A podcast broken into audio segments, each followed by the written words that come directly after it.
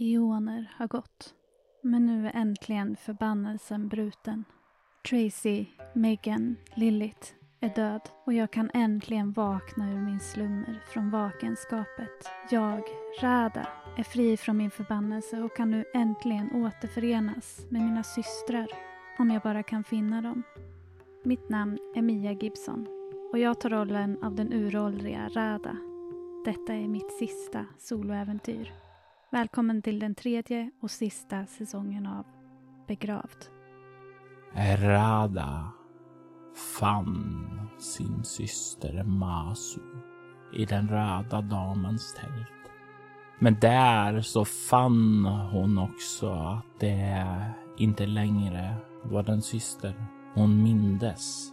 Känslorna var annorlunda och snart framgick det att det inte längre var hennes syster.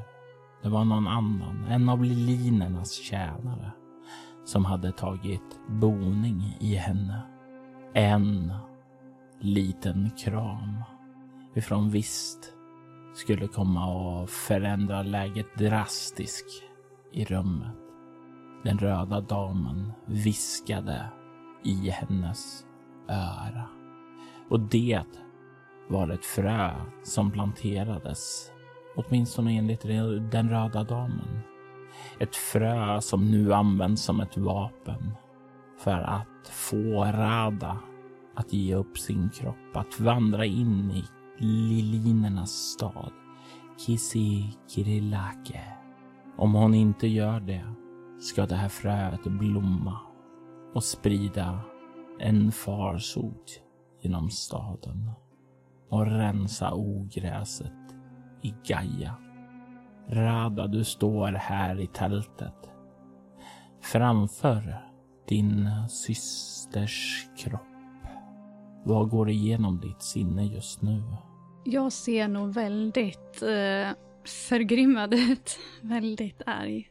Det här är en ondskefull plan som har eh, vävts medan jag har varit borta.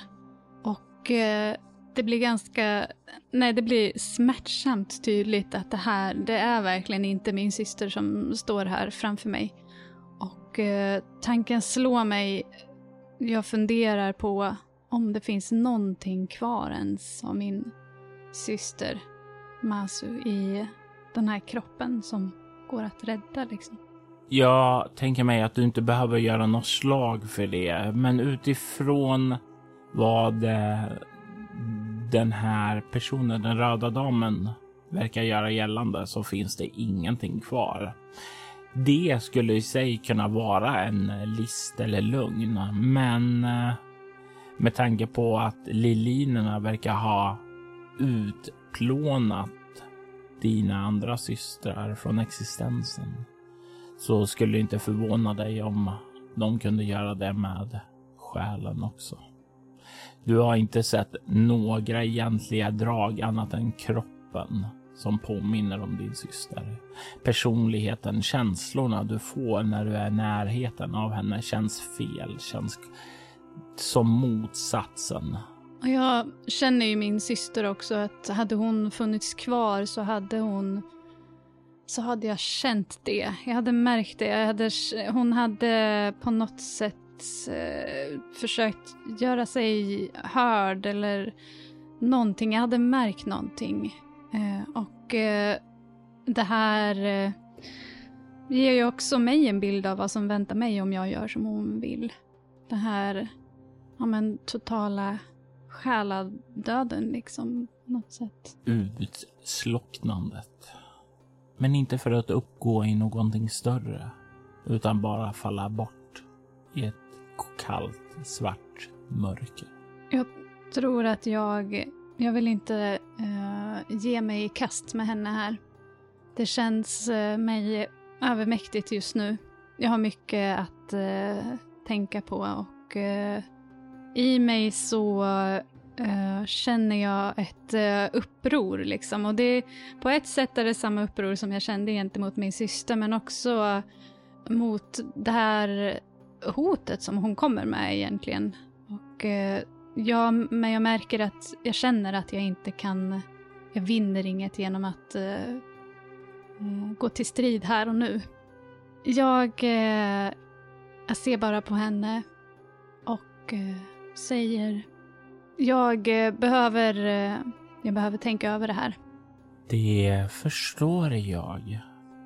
Du kan tänka hur mycket du vill.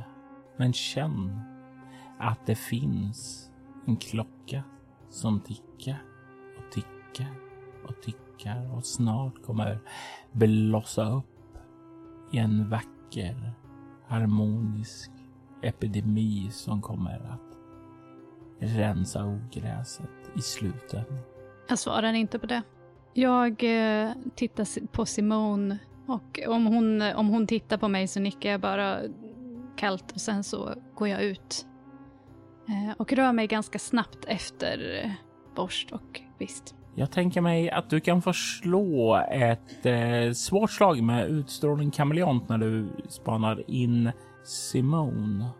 Kanske inte kommer märka så mycket för dig och i den här berättelsen. Men det kan få konsekvenser längre fram.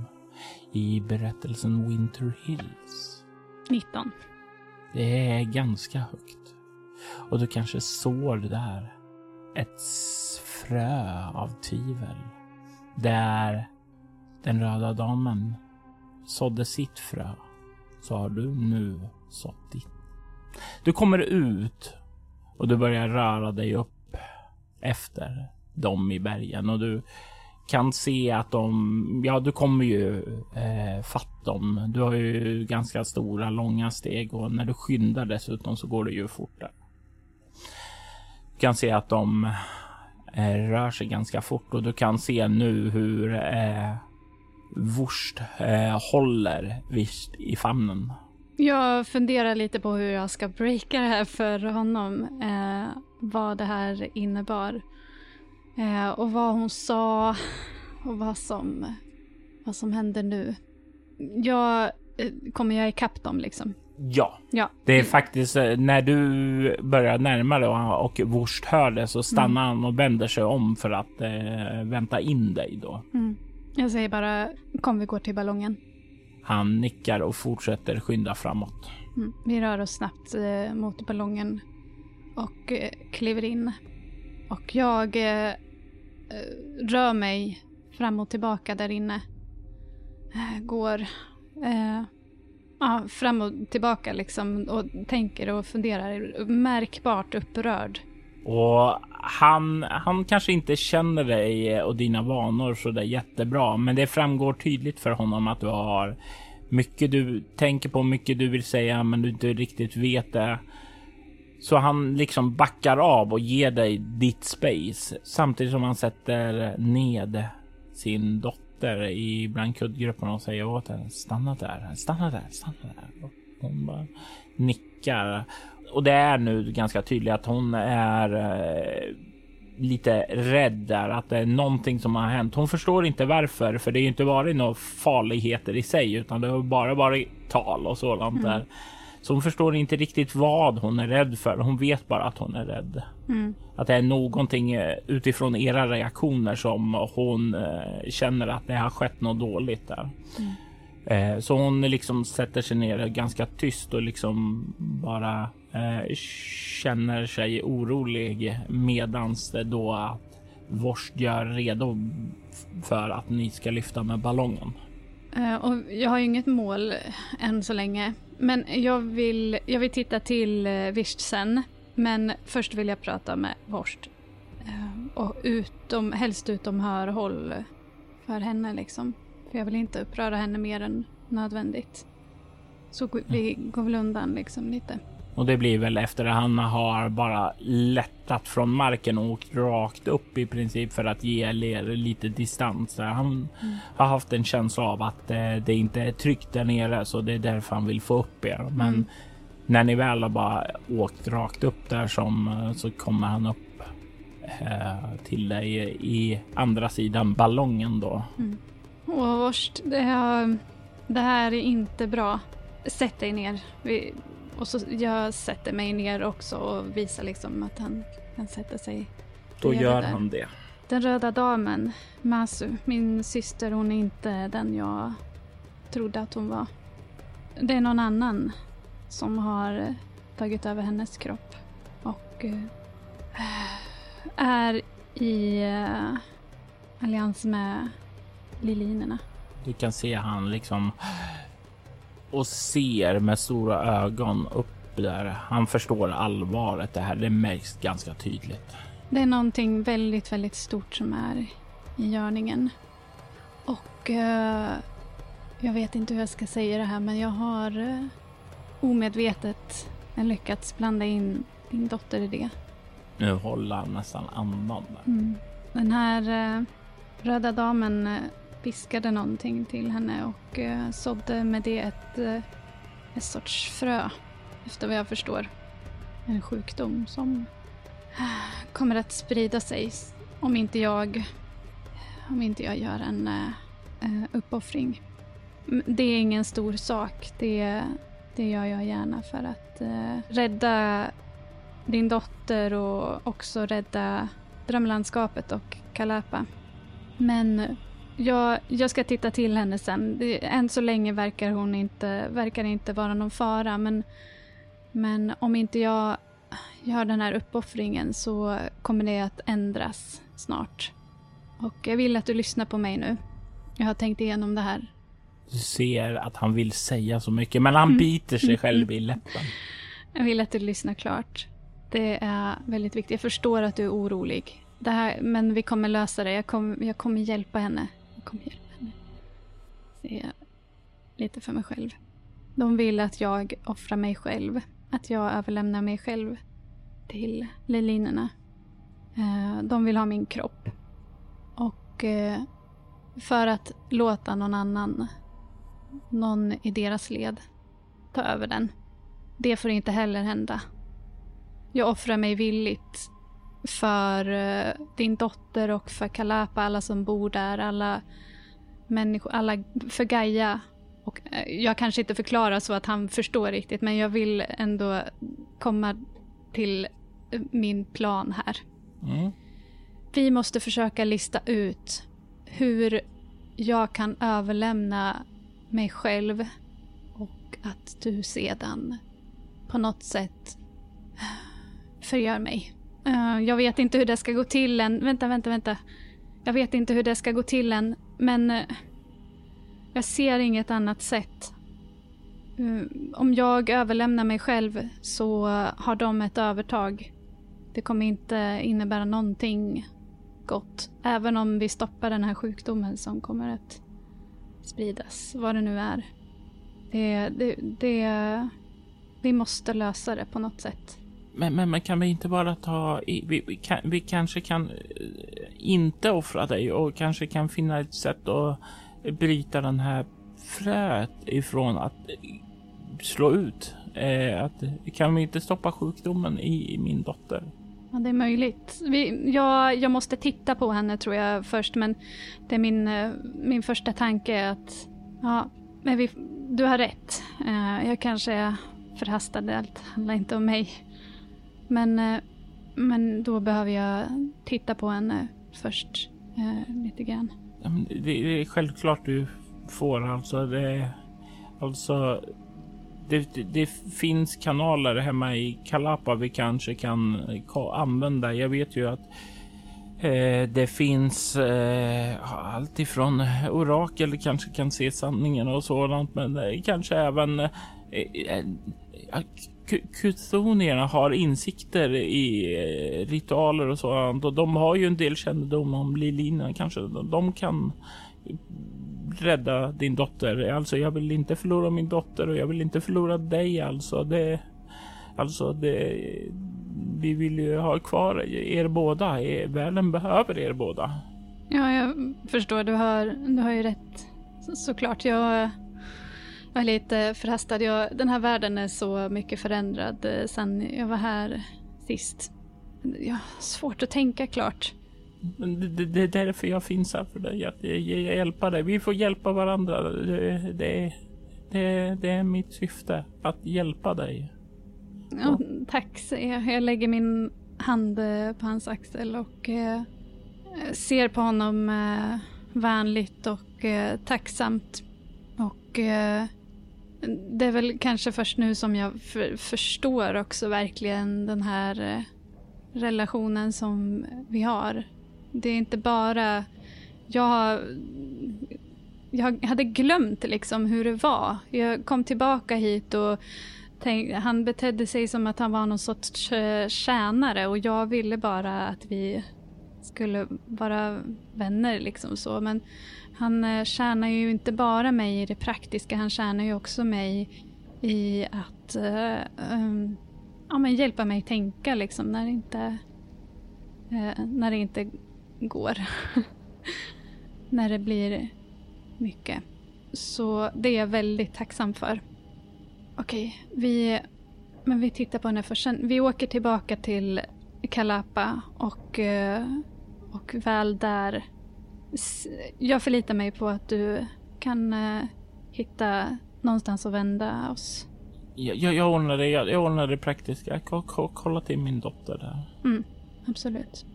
Och jag, jag tror igenom en uh, kram och säger uh, jag är så ledsen att jag drog in henne i det här. Det, det, är inte ditt fel. Du får inte förebrå dig själv. Du, du kan inte stå och ansvara för vad andra gör. Nej, Nej, du har rätt. Så går jag till eh, Visst och eh, tittar närmare på henne. Och samtidigt så går Vorst och eh, drar i ballongremmarna för att sätta kursen emot Kalapa. Visst kollar upp mot dig och du kan se hennes skrämda blick som säger förlåt. Förlåt, jag, jag, jag, jag, jag vet att någonting har hänt och jag tror det är mitt fel. Det är inte ditt fel. Den äh, kvinnan som vi träffade, jag trodde att hon var min vän, men det var hon inte. Hon äh, var ond. Alltså, och jag, säger, jag, väljer de orden utifrån hennes världsbild. Liksom. Jag tänker ju att det inte är så svart och vitt. Men hon har, den här kvinnan har gjort någonting ondskefullt ändå gentemot eh, barnet och eh, den här världen i min bild. Så hon var dum. Hon gjorde någonting tokigt med dig.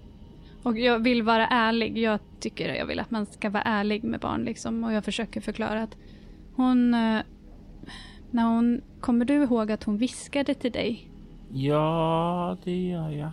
Mm. Eh, det var något konstigt med viskningen. Ja. Jag kan inte sätta fingret på vad. Nej, du behöver inte försöka komma ihåg vad hon sa. Men eh, den viskningen har gjort att du har fått en sjukdom. Som än så länge, mår du bra nu? Jag mår bra, mm. säger hon. Eh, men samtidigt som hon säger det så lägger du märke till att hon sitter och kliar sig själv på armen. Ungefär som någon som har klåda. Liksom inte kan sluta och klia på sig. Jag lägger min hand över hennes där hon kliar utan att göra någon stor grej utav det. Som att jag bara lägger handen på hennes arm så lite tröstande. För att stilla henne så. Bra säger jag. Det är inte farligt än, men det kan bli farligt. Men jag ska hjälpa dig. Jag och din pappa, vi ska hjälpa dig. Eh, och jag säger ingenting mer om att det kan sprida sig och allt det där behöver inte hon liksom tänka på. Men om hon kommer, hon kommer ju märka kanske att hon börjar bli sjuk och bli orolig och så. Så då vill jag att hon ska veta det. Och det är någonting i hela den här situationen som har fått henne att eh, börja tänka och det är en tanke Eh, som dyker upp i hennes sinne. Hon kollar på dig med en allvarsam blick och du kan ju se liksom tårar liksom rinner, eller inte rinner, tårar börjar komma fram på ögonlocken där.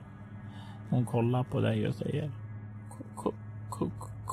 Kommer jag dö? Jag kommer att hjälpa dig så gott jag kan för att det inte ska hända. Och du vet ju vem jag är, säger jag och ler lite. Eh, och hoppas att eh, eh, skingra hennes tankar från tankar på döden. Liksom. Hon kastar sig in i din famn och borrar upp eh, sitt ansikte i dig och du hör henne snörvlande. Det är som om hon alla känslor släpper där. Att hon är trygg att liksom bara bryta samman och börja gråta när hon är i din famn. Eftersom hon, hon vet ju vem du är. Du är ju hjälten Rada. Familjen har ju berättat legender om dig. Om hur du skulle återvända, hur allting skulle bli bra. Och hon känner sig trygg där och hon tillåter sig själv att sköljas över av känslorna där i din famn. Mm, jag omfamnar henne tillbaka eh, och lugnt och försöker eh, sprida ett lugn. Och jag känner att det, det räcker kanske så. Och, eh, jag tänker att jag försöker hålla koll på henne. Är det mest liksom, kan jag märka någonting annat? Är det mest fysiskt, liksom den här klådan? Finns det något jag kan göra för att känna av om det är någonting annat. Det här är ju inte en vanlig sjukdom, tänker jag. Nej, men det jag skulle ändå säga att det är så här, leta symptom och allting sådant. Du kan slå ett lätt slag med egomedicin. 14. Du får ju en ganska stark känsla av att sjukdomar i sig och sådant där, du brukar ju inte bryta ut så här fort, men det är någonting. Du kan ju se att pälsen där har ju inte liksom det har börjat ge lite så här när du kliar dig mycket så kan ju hud, huden bli irriterad. Och det är ju lite grann det som börjar, men du får nästan känslan av att det inte är av det fysiska utan det är ju någonting där nästan troligtvis de här viskningarna att någonting undermedvetet viskar i hennes sinne att göra det här. Och du tror att det är saker som kommer att eskalera. Allt är mer än... Ja, det är mer som om Visst har blivit eh, utsatt för någon form av förbannelse som gör att hennes undermedvetna hör röster och börjar drivas av impulser. Om jag ser att det här blir värre så kommer jag att vilja prata med henne och försöka hjälpa henne att stå emot det här. Jag vet inte vilka chanser jag har att uh, bromsa förloppet liksom, men jag kommer att vilja försöka i alla fall. Om, vi, om det blir värre innan vi får annan hjälp. Ja, eh, jag tänker mig att eh, du har ett, håller ett öga mm. framöver, så om det blir värre så kommer jag säga till. Jag, jag tror jag sitter tillsammans med henne där, eh, med en arm om henne och kanske börjar berätta lite historier om ja, om Sansari och allt det där som jag lovade att berätta om. Och eh, in, ja, tills vi kommer tillbaka liksom, eller tills eh, Vars behöver min hjälp. Och det dröjer ju inte lätt. Alltså när all den här energin har förlöst i henne, hon har gråtit och sådant och hon får vila i din famn så dröjer det inte lång tid innan hon somnar. Och du kan se hur Vorst under tiden som hon har gjort det här innan hon somnar liksom. Och han går ju och kastar oroliga blickar emot henne. Jag försöker se lugnande på honom så. Eh, och eh, bara liksom visa att hon, hon sover liksom och det, det är ju bra så. Och jag tror ju att eh, det är någonting som räcker för att han ska känna sig lugn. Han, han precis som henne ser ju mycket i dig. Alltså det, du är ju en legend trots allt.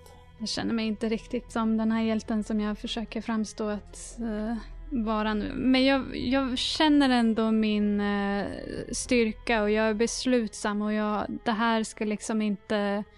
Det kommer inte gå som de vill. Och det är, eh, även om min första tanke är att oh, det är mitt fel, det är inte det längre. Liksom det, det här... Men, men jag har kraften att att eh, göra någonting åt det. Och det driver mm. mig. Och även om jag är orolig så känner jag att eh, det här, eh, det finns en chans. Liksom. Du känner dig inte maktlös? Nej, inte det minsta. Färden tillbaka till Kalapa är relativt händelselöst. Visst, vaknar ju och är Ja, hon, är li, hon är inte lika energisk och så, något är som musten har gått ur henne. Men eh, det verkar inte som om sjukdomssymptomen förvärras i alla fall, utan det är fortfarande kvar i första stadiet. Och eh, det är väl någon gång när hon ligger där och vilar, för hon vilar mer nu än tidigare.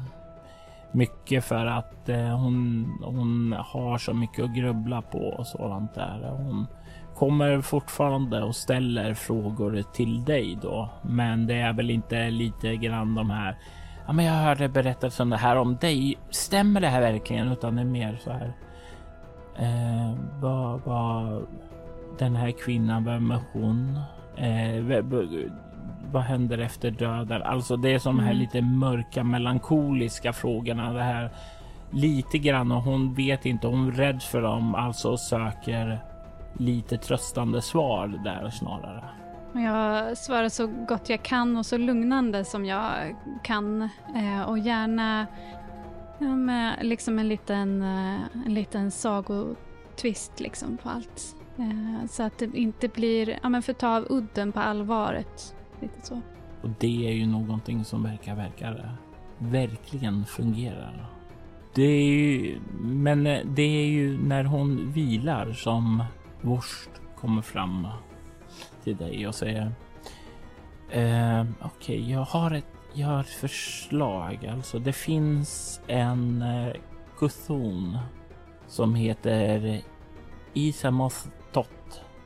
Han arbetar för ett eh, bolag som heter Assagors Abyss, eh, men han är eh, kunnig och har haft rätt mycket med Lilinen att göra. Han äger många företag och sådant där, men han är väl en person som också har ganska stort eh, okult kunnande och om han inte har nog så har han i alla fall kontakter med Lilinerna så han kanske vet vad de har pysslat med. Det är väl mitt bästa förslag.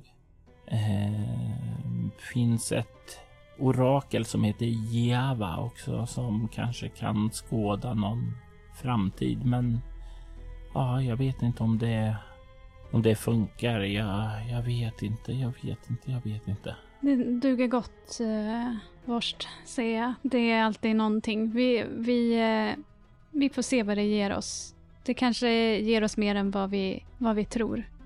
Jag tror om oraklet kan skåda framtid så kan väl det hjälpa, men eh, jag frågar om vi ska gå till den här eh, Isamototh först kanske och se ja, vad vi kan se. Vi måste få grepp om eh, situationen och linorna. Eh, Okej, okay. då, sätter jag, då sätter jag riktningen däremot då. Mm. Eh, och om, om jag inte har sagt det tidigare så tack. Tack för att du är den jag lärt mig att du ska vara. Så godhjärtad och så snäll, säger Anna. Jag ler och lägger huvudet på sned. Vem skulle jag annars vara vårst, säger jag. och du kan se att han ler matt tillbaka och sen kliver han fram och ger dig en kram runt midjan. Mm, jag kramar tillbaka. Och sedan så tar han och kliver bort till ballongens rep och börjar dra och slita i dem för att manövrera in i staden. In i en annan del av staden där du inte har varit tidigare. På din tid var det här ju bara öken där. Han kan snart peka ut ett torn som sticker upp där. Kanske 40 meter högt. Och det är gjort i sten. Men du kan se att det längst dess olika väggar har utsmyckningar av ben. Ben som har sjunkit så att de har kränkt och förvridit sig själv i onaturliga former längs det här tornet.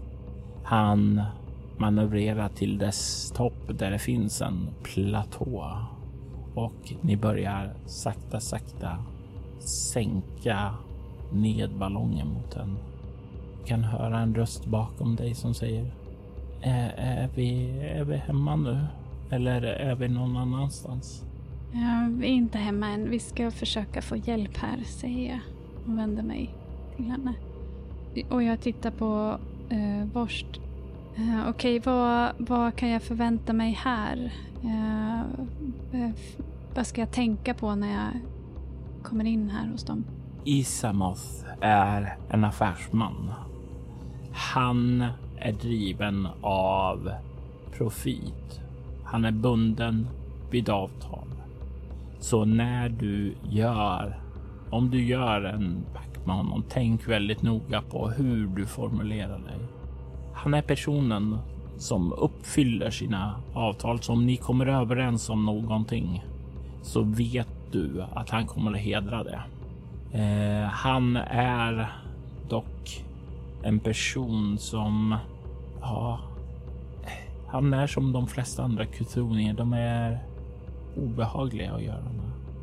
Det känns, det, de, de är inte riktigt här. Alltså det är någonting som, ja, det, de är svåra att sätta ord på. Jag försöker ha så lite att göra med dem, men de är fel på något vis. De, de inte hör hemma här, men inte heller där vakenskapet finns. Det är som om de är främlingar. Okej, se. Jag ska ha det i åtanke. Vi jag tänker om vi sätter ner så är det väl inget annat att göra än att gå. Frågan är om vi ska ta med henne. Det är nog bäst. Så vi kan ha koll på henne. Eh, och om de kan göra någonting. Om de kunde något om det okulta och sådär så. Jag vet inte. Du kan se hur Vors nickar åt det och säger eh, ja, eh, jag landar ballongen. Du kan ju gå och göra Visst redo. Ja, jag, försöker, jag går och försöker väcka henne försiktigt. Sen tror jag att jag lyfter upp henne. Och gnyr lite när du gör det och ögonen blinkar lite och hon kollar upp mot dig. Där du håller henne i din famn. Mår du bra säger jag. Jag hade, jag hade en konstig, konstiga bilder. Alltså det var som insekter åt i mig. Och som solen slockna och det var någon sång. Det, det var konstigt. Det låter läskigt. Men det var, det var nog bara en... Det, det var nog. Det var, det var bara en dröm. Men jag är bekymrad. Jag tänker att om det har börjat eh, röra sig in i drömmarna så är det väl bra om man är vaken nu. Men som sagt, jag håller utkik efter andra tecken och om det skulle visa sig någonting annat i, nu när hon är vaken. Men du ser hur sakta verkar bli... Ja, det är som hon vaknar till lite, men hon vill inte riktigt lämna din famn. Nej, jag kanske håller kvar henne. Det är kanske jag som bär med henne då. Ja, jag ser. Är det, är det okej om jag bär dig? Du kan få vila lite till. Ja, som, tack. Ja, som jag sa, du tror du börjar bli lite sjuk och då, då är det bra att vila. Hon nickar på huvudet. Och sen eh, går vi väl går vi väl in där. Och eh, ni kommer fram till eh, en trappa som leder ned. Kan se att det verkar finnas en receptionist bakom det här elfenbensbänken som avskiljer det här lilla utrymmet från resten. Du kan se han verkar sitta och skriva med någon regnbågsfärgat horn ifrån något djur som du inte kan identifiera. Och han kollar upp när du kommer och säger ja. Och du ser den här kuthonien som sitter framför dig. Att hans huva är bakåtlutad. Du kan se hur det här ansiktet som stirrar på dig. Du har två stora ögon. Men själva huden i ansiktet. Den ser verkligen ut som en bläckfisk. Den är lite flytande, rör sig lite fram och tillbaka. Och nedåt där munnen skulle finnas så ser du egentligen sådana här bläckfisktentakler som rör sig lite av egen fri vilja. Och du hör den här rösten tilltala dig. Att det är lite som ett eko. Nästan som om den talar genom ett rör eller om det skulle komma uppifrån vatten. Välkommen till Asagors abyss. Vem önskar ni att tala med? Vi söker Isamot Toth. Isamot Hoth. Har ni något inbokat möte med honom? Nej, det har vi inte. Det är, det är ganska brådskande. Ge mig din hand så ska jag se om han är anträffbar. Jag tittar lite på Vorst som att är det så här det går till liksom? Vad, vad kan jag förvänta mig här? Eh, och du kan faktiskt få... Nej, vad har du i kameleont? Nio. Du kan ju se utan problem att Vorst verkar inte veta för han har inte haft så mycket att göra med dem. Han slår ut lite med händerna och gör så här. Jag vet inte, men eh, I guess it's fine. Eh, du får väl från den här receptionisten en aning om att det, här är tråkig banalitet som han gör. Mm. Det här har han gjort så många gånger tidigare och det är inte något sånt här ondskefull plan som han sitter där, utan det är som ett kontorsjobb för honom.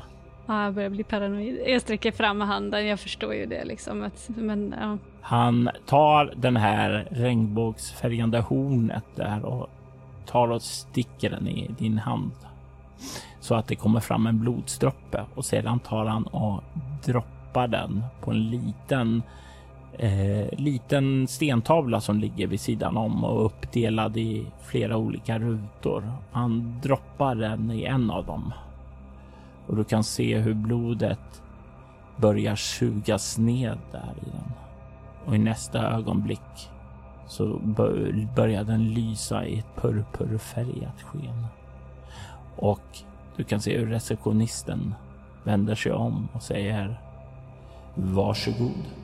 Hanna önskar att träffa dig och gör en gest emot en vägg och du kan se hur en dörr manifesteras där. En purpurfärgad dörr. Mm, då, då går vi väl in. Jag väntar mig att först eh, följer med liksom och jag bär fortfarande på... Visst. Så går vi in genom den här dörren. Och du kommer in i ett utrymme som är helt svart. Bortsett från en liten yta.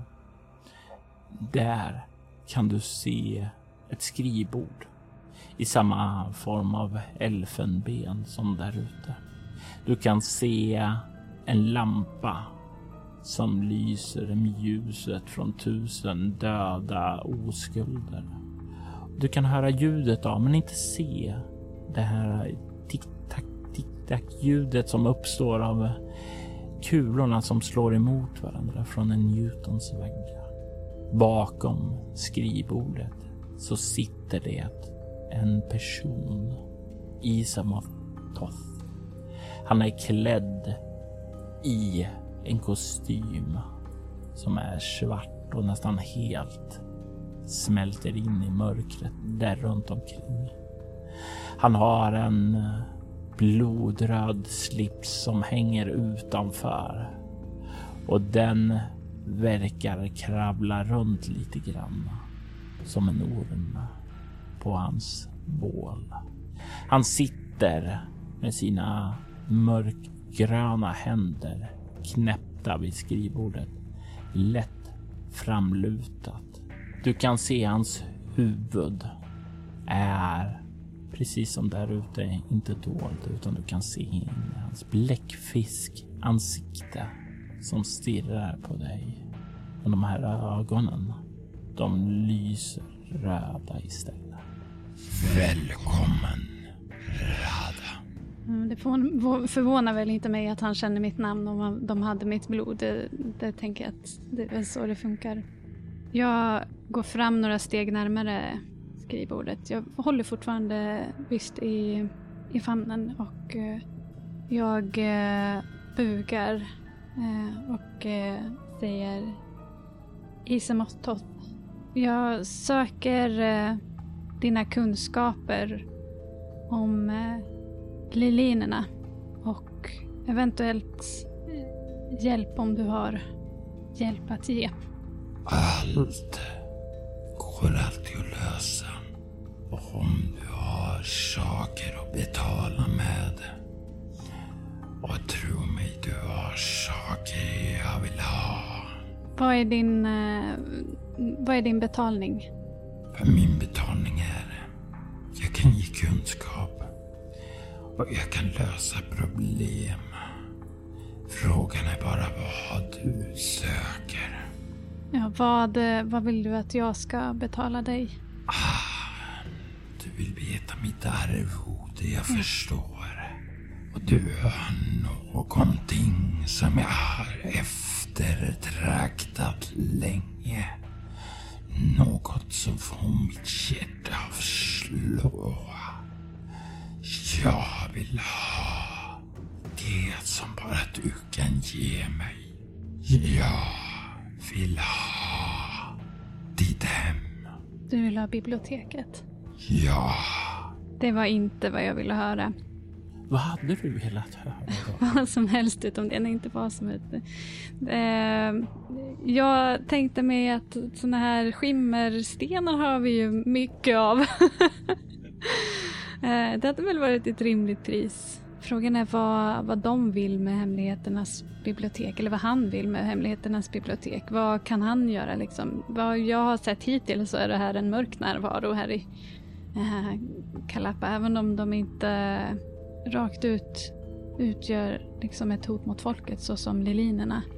Ja, jag vet ju att hemligheterna som finns i vårt bibliotek är ju eh, oändliga och eh, ja, i fel händer så kan det väl också göra stor skada, tänker jag. Kanske. Trots allt så var ju er intention att samla all den kunskap ni fann här Mm. om den. Och eh, du har ju inte ens jo, du har ju inte ens minne av alla hemligheter som ni samlade eftersom alla ni systrar sökte efter information på olika ställen och vem vet hur mycket de hittade efter att du lämnade den här platsen för att bege dig till vakenskapet.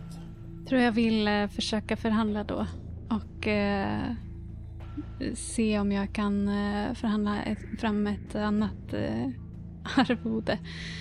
Finns det någonting, eh, någonting annat du kan tänka dig? Har du ett... Eh, kan vi eh, köpslå här på något vis? Får man pruta? Man kan alltid försöka att pruta. Och jag skulle inte vänta er något annat ifrån en sådan som er. Ni är gammal och ni vet världen på saker och ting. Men jag känner att ni inte är snål. Jag känner att ni är rädd. Är rädd för mig och vad jag ska göra. Ja, jag vill, om du vill berätta så vill jag gärna veta ditt syfte med att äga Hemligheternas bibliotek. Kunskapen där är eh, tillgänglig i stor grad till den som söker den. Jag kan erbjuda den eh, jag kan eventuellt erbjuda den kunskap du söker men hela biblioteket vet jag inte om jag vill lämna ifrån mig. Jag skiter i era böcker, era texter, era visdomar. Jag vill ha tomten. Ja, såklart. Den ligger på en fördelaktig plats. Och den skulle passa mig utmärkt när jag bryter ut och öppnar min egen verksamhet. Mm, det låter ju, om de är affärsmän så låter ju, det som, eh, låter ju det rimligt. Men jag vill ändå försöka se om jag kan läsa av eh, om det är det han eh, verkligen vill.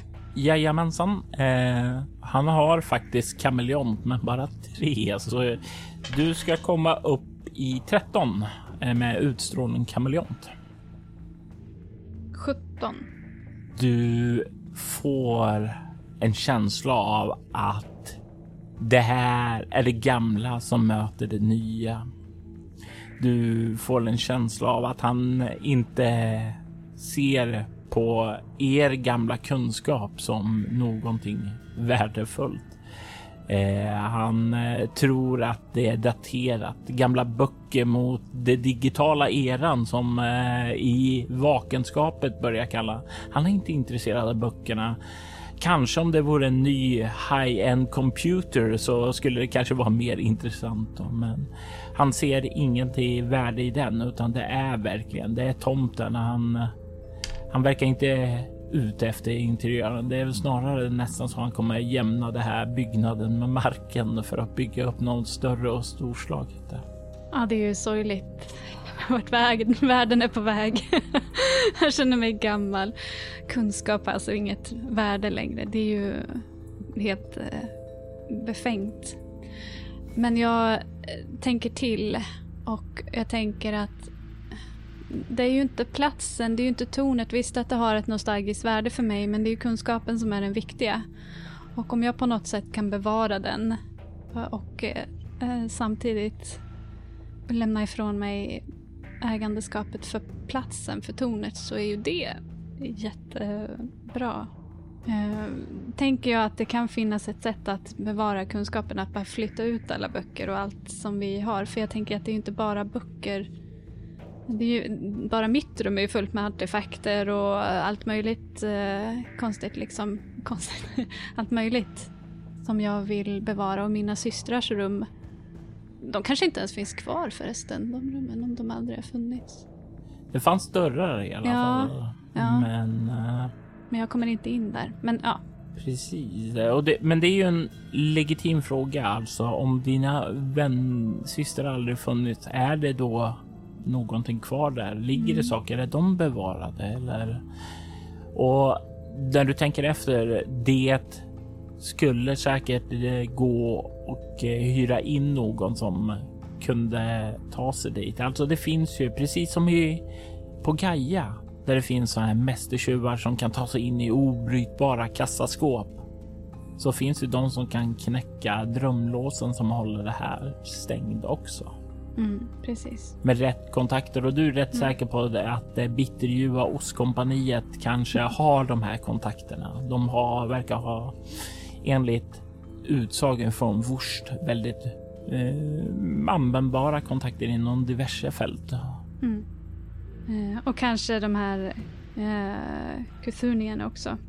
Absolut. Jag frågar honom eh, hur, eh, hur lång tid, eh, om jag överlämnar eh, Hemligheternas bibliotek, byggnaden, marken till dig, hur lång tid har jag på mig att eh, flytta ut så att säga?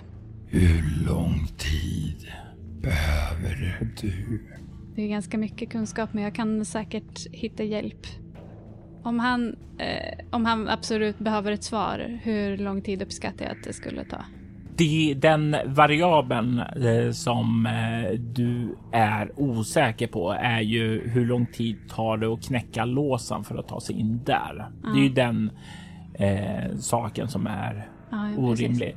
Eh, jag skulle säga att det tar ju definitivt mer tid att packa ihop alla böcker. Eh, för jag tänker mig att du vill göra det på ett respektfullt sätt och sådant där. Så du skulle säga åtminstone en månad av hårt arbetande individer för att göra det. Ja. Och sen kanske plus minus eh, två veckor beroende på hur effektivt eh, de här drömlåsknäckarna är. Och det kanske inte ens blir relevant för det jag vill veta nu är ju vad jag får för det arvodet. Liksom. Om det ens är eh, av användning för mig. Är det möjligt att eh, prata om eh, vad du kan erbjuda mig innan eh, vi eh, skriver under några papper på det här? Eh, Givetvis, jag är ingen oseriös affärsman. Givetvis måste du veta vad du kan få av mig. Jo, det är så här att eh, stora saker är i görningen. Har du, eh, några, har du märkt någonting eh, i dina kontakter med Lilinerna om eh, någonting, att någonting skulle vara på gång i Kisikililäke eller? Ett eko ekar genom rummet och du kan se hur han...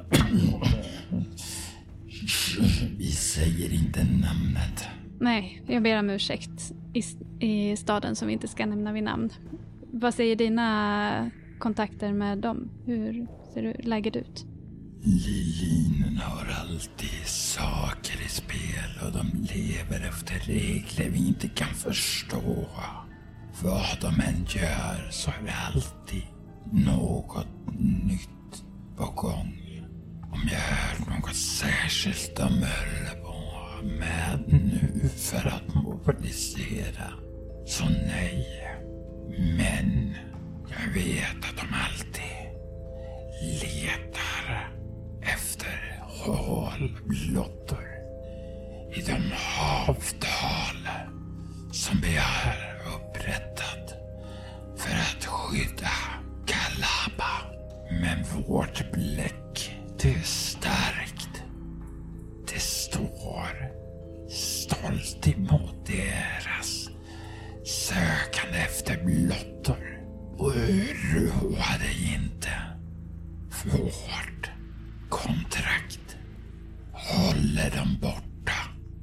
låter ju väldigt bra.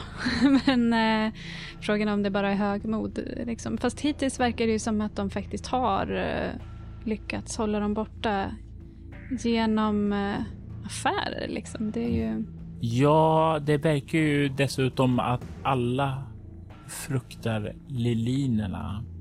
Men de här verkar ju åtminstone våga ha kontakt med det. Om det är för att de är högmodiga eller för att de faktiskt känner sig tillräckligt starka för att vara en mur om Kalapa. Det kanske du inte kan gissa, men det är en möjlighet i alla fall. Mm, det är alltid något. Och eh, det han säger liksom, det skänker någon sorts ändå eh, jag, jag kommer in i det här affärstänket på något sätt och eh, det han säger låter vettigt. Eh, jag tror att de har hittat ett hål genom mig. Eh, mm. Och det här barnet. Hon ligger fortfarande i min famn liksom. Mm. och de, jag, jag berättar liksom, I spilled the beans. Jag berättar att de, de vill åt mig, de vill ha mig. Du vet vem jag är. Eh, de vill ha min kropp. Känner du till den röda damen? Namnet är vagt bekant, ja. Också känd som Masu, min eh, syster. De har eh, på något sätt, eller någon i maskopi med dem har tagit över hennes kropp. Och genom henne har de låtit mig förstå att de vill ha min. Och om inte jag överlämnar min kropp till dem så kommer en sjukdom att spridas här Eh, i Kalapa genom det här barnet. Och eh, jag, eh, jag är visst beredd att offra mig för det. Men eh, jag eh, tror att det kommer ge dem för mycket makt. Vad är din eh, bild av den situationen? Min bild är att de inte vill upprätta ett avtal. Ett kontrakt. Att de kan komma undan med det. De vill alltid rigga spelet i deras favör. Jag tror att det är ett avtal du inte bör ingå i. Då är vi av samma, eh, samma bild eh, på situationen. Eh, så eh, till den uh, stora frågan här. Finns det någonting som uh, uh, du tror att ni kan hjälpa, som du kan hjälpa mig med gällande den här sjukdomen? Hur, för det som står på spel är ju hela Kalapa. Det är ju, och också i längden Gaia. Och jag vet inte vad er relation till Gaia är men du kan se hans tentakler liksom piska lite med avsmak. Mm, okay. Den där trångsynta världen. Eh, hur som helst, eh, Kalapa som ni ändå försöker skydda här står eh, eh på spel här. Och eh, eh, jag undrar väl om vi tillsammans kan försöka hitta ett, ett hål här att få bort den här eh, infektionen hos det här barnet. Låt oss göra ett hål på barnet så att jag kan få lite av hennes blod. Så jag ska se vad jag kan göra. Ja, eh, jag vänder mig till Vorst och ser frågande på honom. Och Vorst nickar bara. Han har varit tyst här. Han är väldigt, väldigt respektfull och tillbakadragen här. Och du lägger ju märke till att Visst har varit väldigt tyst och väldigt mm. stel i din. Ja. Det här är definitivt eh, någonting som det enda skälet att hon inte börjar skrika eller gråta eller försöker springa är ju för att du håller i henne ja. för det här är läskigt. Jag har inte ens tänkt på egentligen att hon ligger och hör allt det här. men, uh, uh, men vi, uh, det är inte det som är viktigt nu. Det är okej att vara rädd liksom. Det, det, tar vi sen. Det är sjukdomen som är det viktiga och ja, om Vorsta är okej med det så frågar jag Visst också att Såg du vad de gjorde där ute? Att de tog lite blod från mig? Du kan se, hon svarar inte utan man nickar på huvudet. Mm. Och du såg också att, jag in, att det inte gjorde ont. Det stack lite, men det gjorde inte så ont. Jag tittar på den här petunien, jag tittar på Isam, Isamot. Uh, det är det ni vill göra va? Det är inget värre än så? Nej. Nej. Uh, så kan han få sticka dig lite bara så? så ska vi se om vi kan hjälpa dig med den här sjukdomen. Du kan se hur Vish skakar. Mm.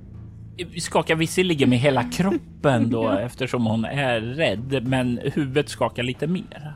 Då uh, kliver jag väl fram så att han kan uh, göra sin grej liksom.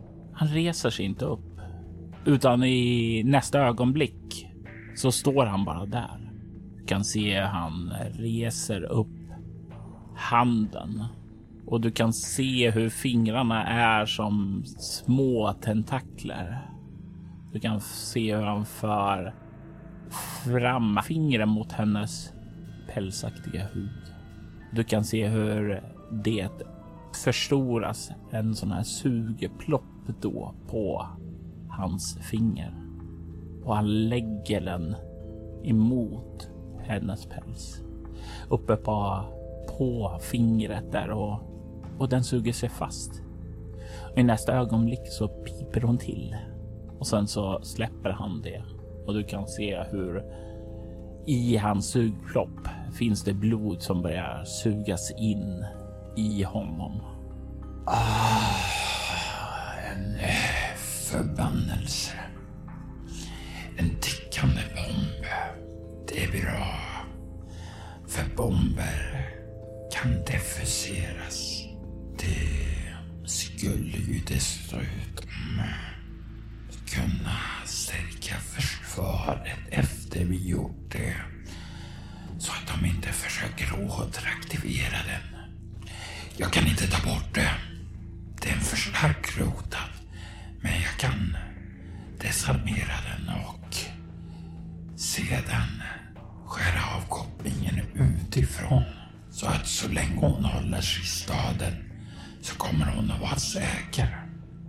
Och de kan inte nå in hit för att sprida deras sjukdomar. Kommer, eh, kommer barnet, kommer hon att eh, klara sig och eh, kommer sjukdomen eh, bromsas? Liksom? Allting kommer att stanna i staden. Allting kommer stanna i det läget det är nu. Det kommer inte kunna förvärras. Jag antar att eh, ni ville ha barnen vid liv. För annars hade det varit ganska enkelt att bara bryta allt genom att ha hennes liv. Det, det är inte ett alternativ, säger jag bara. Jag förstod det. Mm. Därav att vi bygger in bomben så att den förbannelsen inte kan aktiveras. Men jag understryker det här. Det är väldigt, väldigt viktigt att hon inte rör sig utanför staden. För då kommer det jag gör förgäves. Jag tror att eh, vi alla i det här rummet förstår det allvaret. Jag tittar på visst. Hör du vad mannen säger? Ja, Ja. ja, ja, ja. Ja. Jag tänkte på... Eh, nej, eh, det kommer bli bra säger jag. Det är, han är, det är lite läskigt, men det kommer bli bra säger jag. Jag tittar på Vorst också med så här, en allvarlig blick. Du hör vad han säger nu. Ja, du kan ju se han bara nickar så här frenetiskt. Eh, vågar inte säga någonting, men visar klart och tydligt att han Ja, förstår. ja, ja.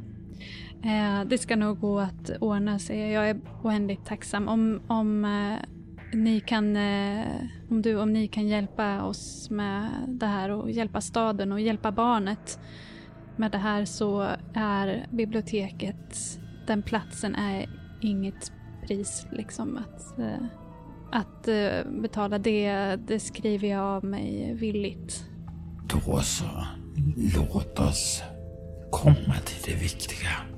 Hur lång tid behöver du på dig för att ta dig ut innan jag kan ta hornet i min besittning? en månad eller två för att vara på den säkra sidan. Eh, marginaler så. Men eh, behöver du en, eh, en eh, mer eh, en noggrannare tid så kanske vi kan titta närmare på det sen.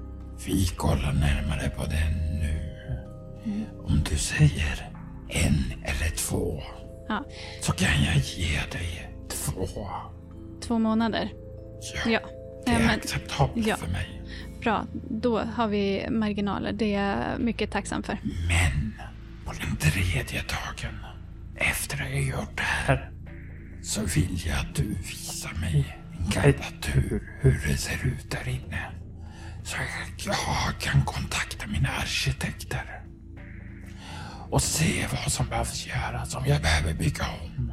Eller om jag behöver riva skräpet från grunden. Ja, absolut. Vad som helst. Det här är detaljer. Eh, om eh, liv står på spel är det här eh, självklart. Liksom. Det är inga konstigheter, det ordnar vi. Utmärkt. Jag ser till att dra upp ett kontrakt. Om ni väntar där ute i receptionen. Så återkommer jag när kontraktet och förberedelserna för ritualen är klara.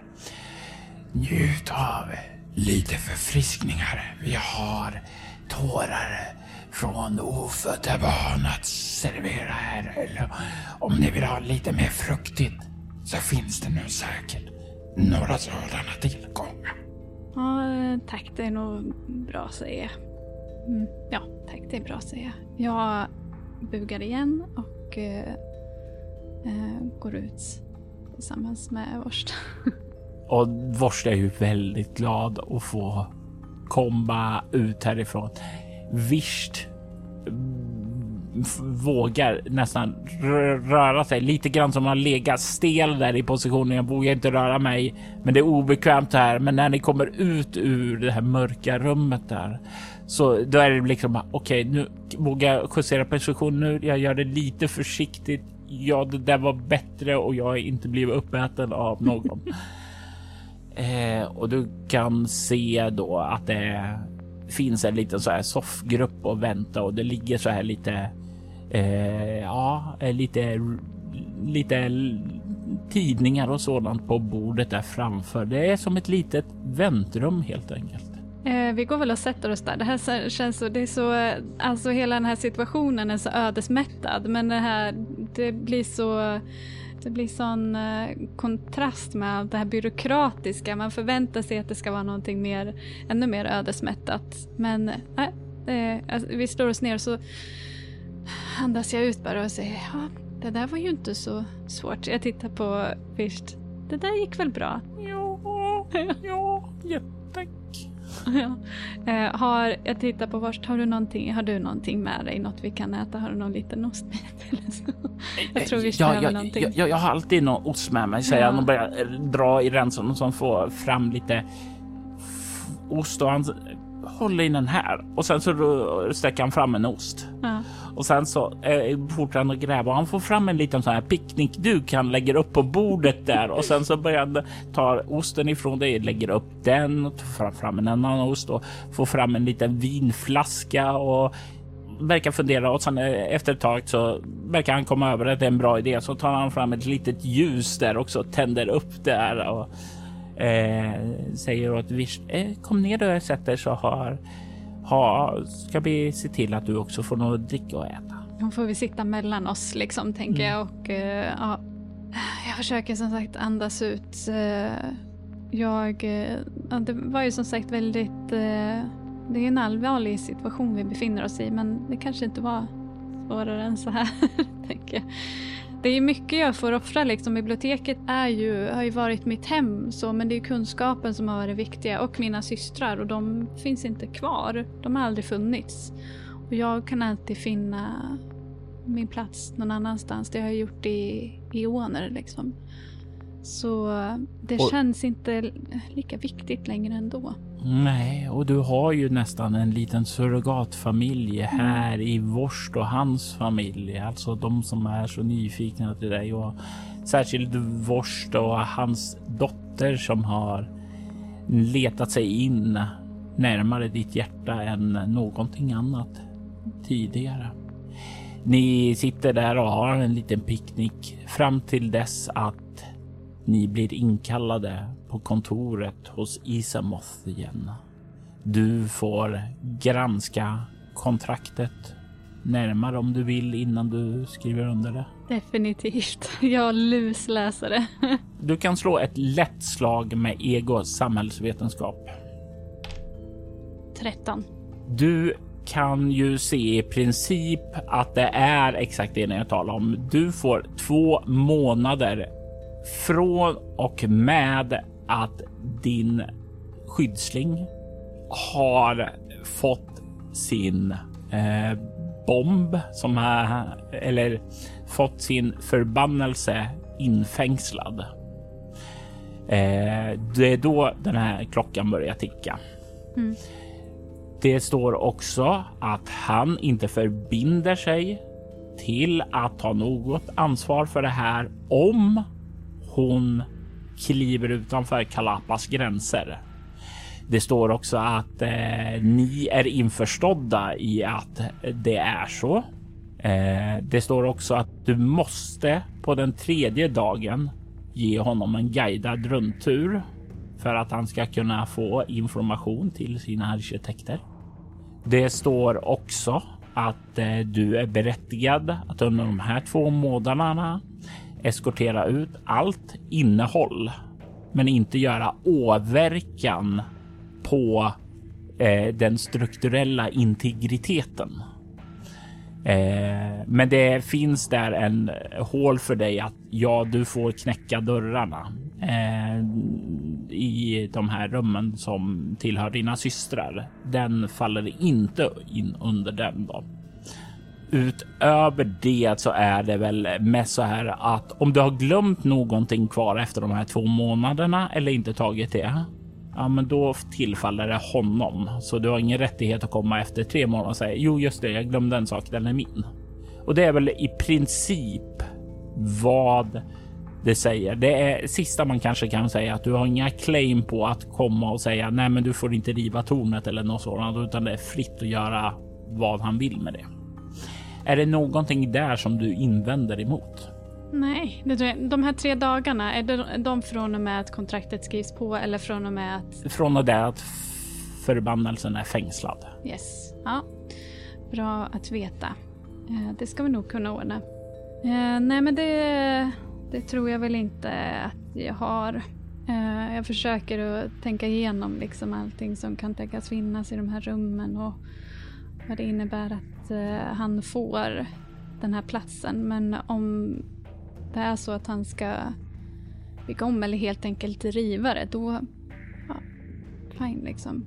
Det som han uttryckte det och som jag uppfattade det, det är platsen liksom. Det har inget annat värde liksom. Jag tänker på de här små eh, fickdimensionerna, om det kan vara liksom någonting som han är ute efter. Men han kan ju säkert hitta på något sånt själv. Så Ja. det känns ju som om det här rummet ni befinner er är ju ja, definitivt en sådan. Så det i sig verkar de redan ha tillgång till. Ja, ja nej, men i sådana fall eh, eh, vill jag skriva på det här kontraktet. Och sen tänker jag, Vorst är ju in, ändå liksom eh, vårdnadshavare till Visst och om de ska göra någonting med henne och, och hela den här grejen med att hon måste stanna kvar, då kanske han har en del i att skriva på också.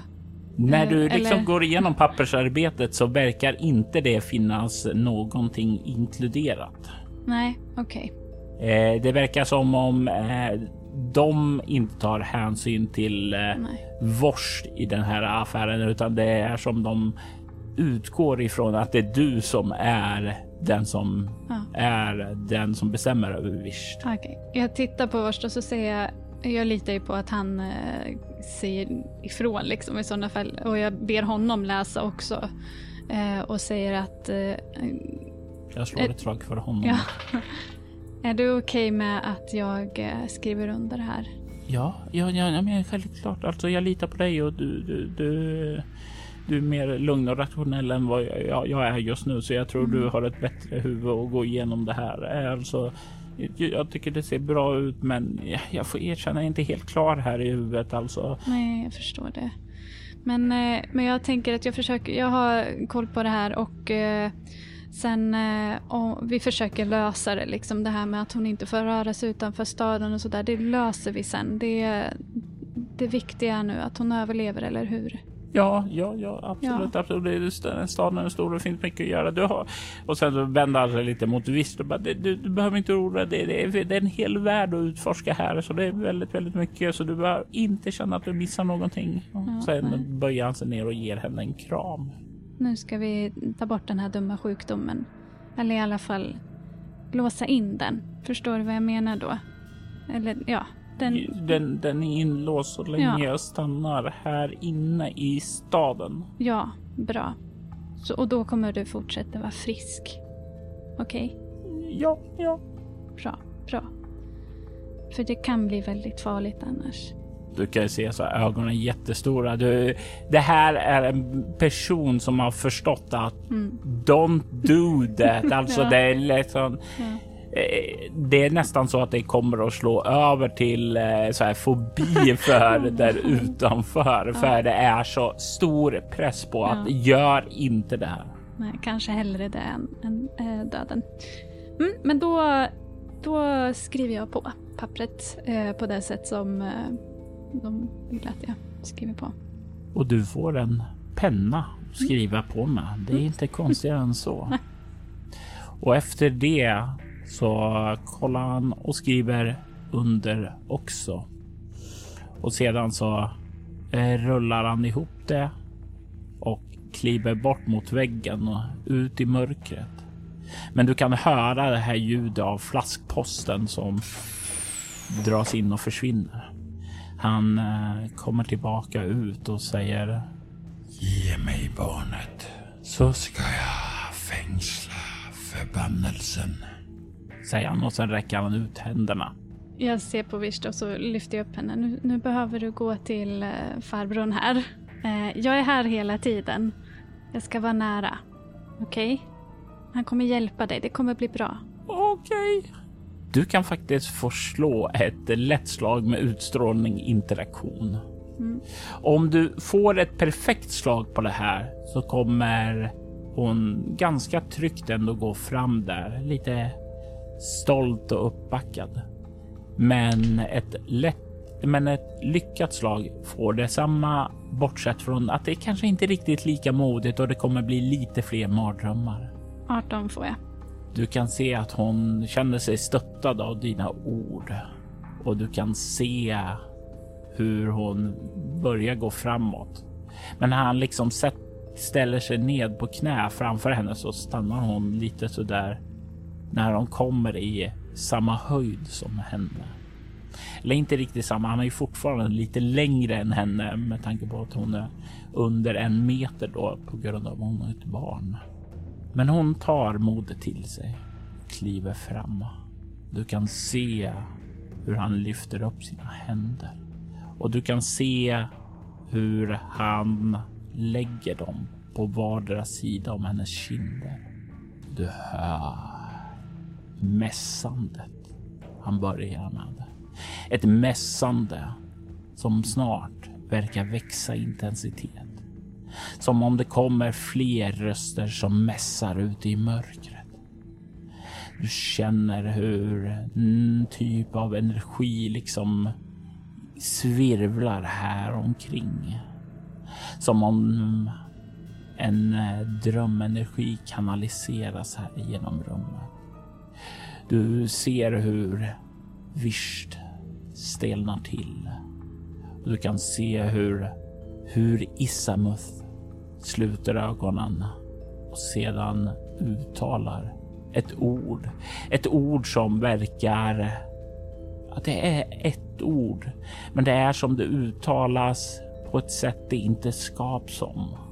Som om det slungas genom spegel på spegel på spegel så att det reflekteras i konstiga vinklar så att det inte riktigt kan sägas. Du börjar få lite grann samma vibb här som borta vid Lilinstaderna, fast mycket, mycket svagare.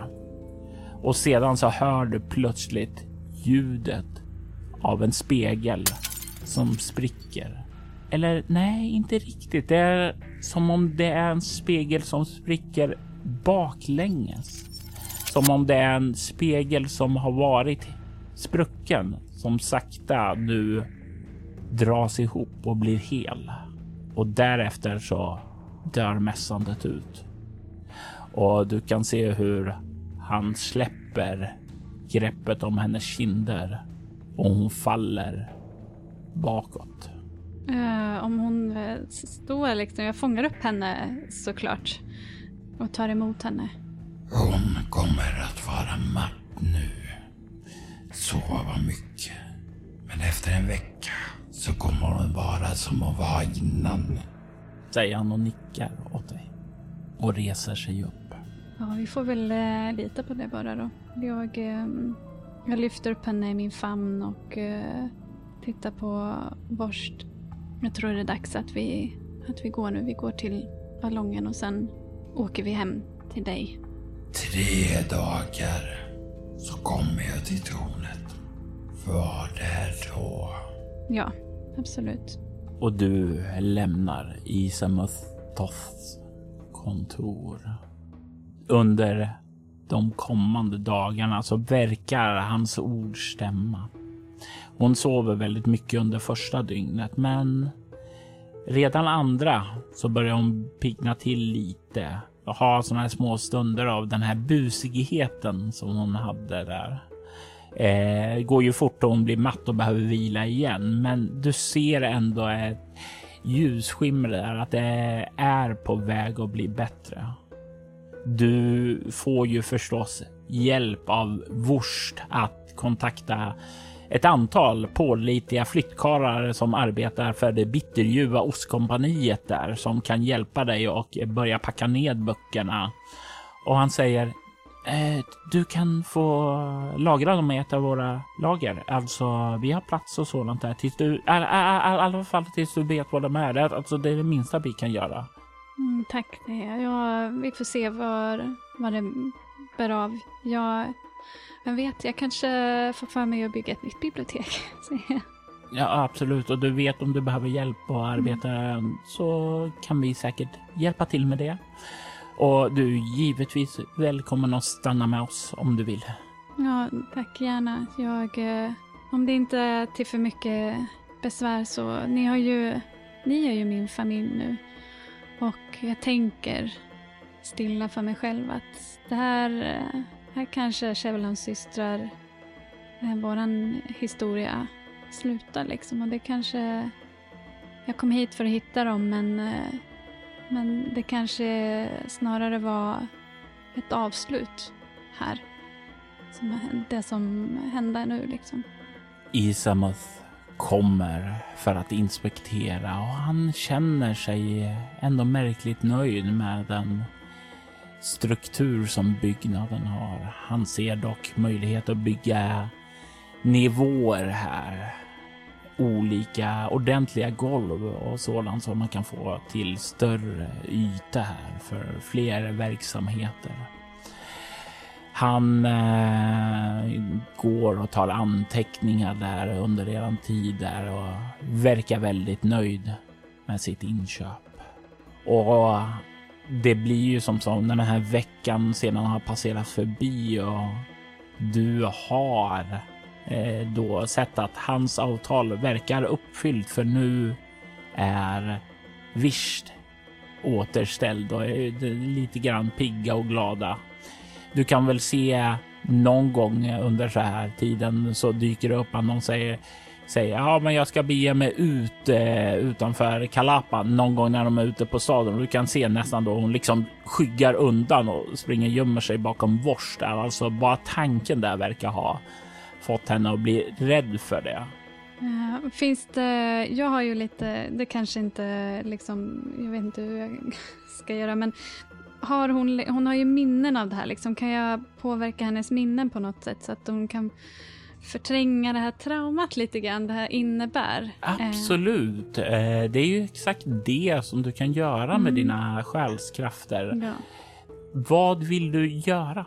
Jag vill inte att hon ska vara rädd så fort någon nämner utanför Kalapa. Jag vill att hon ska veta att hon inte bör röra sig där utanför. Men mer, inte av rädsla utan av, eh, eh vad ska man säga, att det är så det är bara liksom. Att eh, rent eh, pragmatiskt, eller vad man ska säga. Att eh, hon kan inte göra det, men hon behöver inte vara rädd. Liksom. Att... Du vill ta bort traumat mm. och sudda ut det så hon inte känner rädslan. Vill du ta bort även minnet av hennes möte med Isamuth?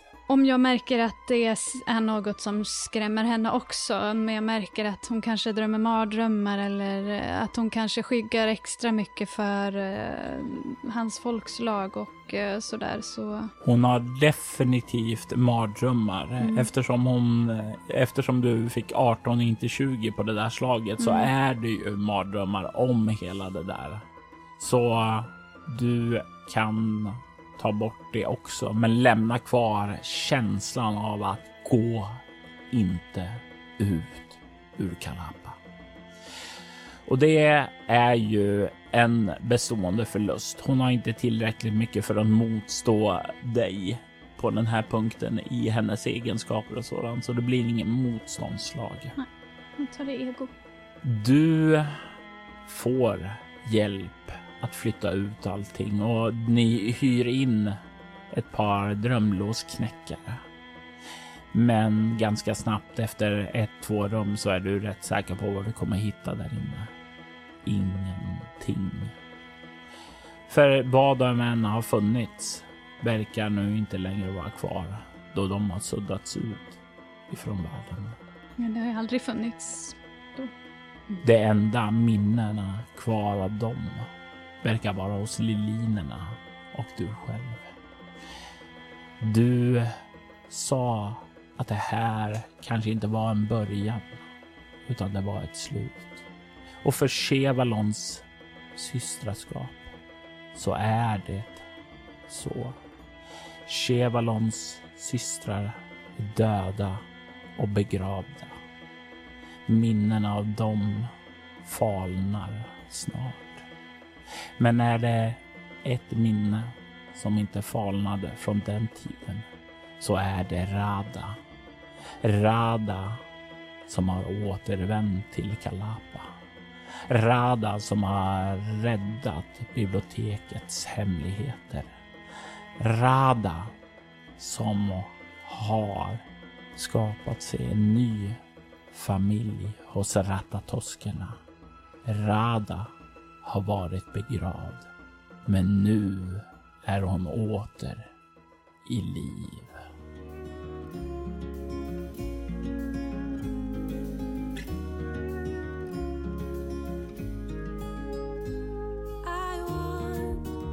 someone like you to stand by me.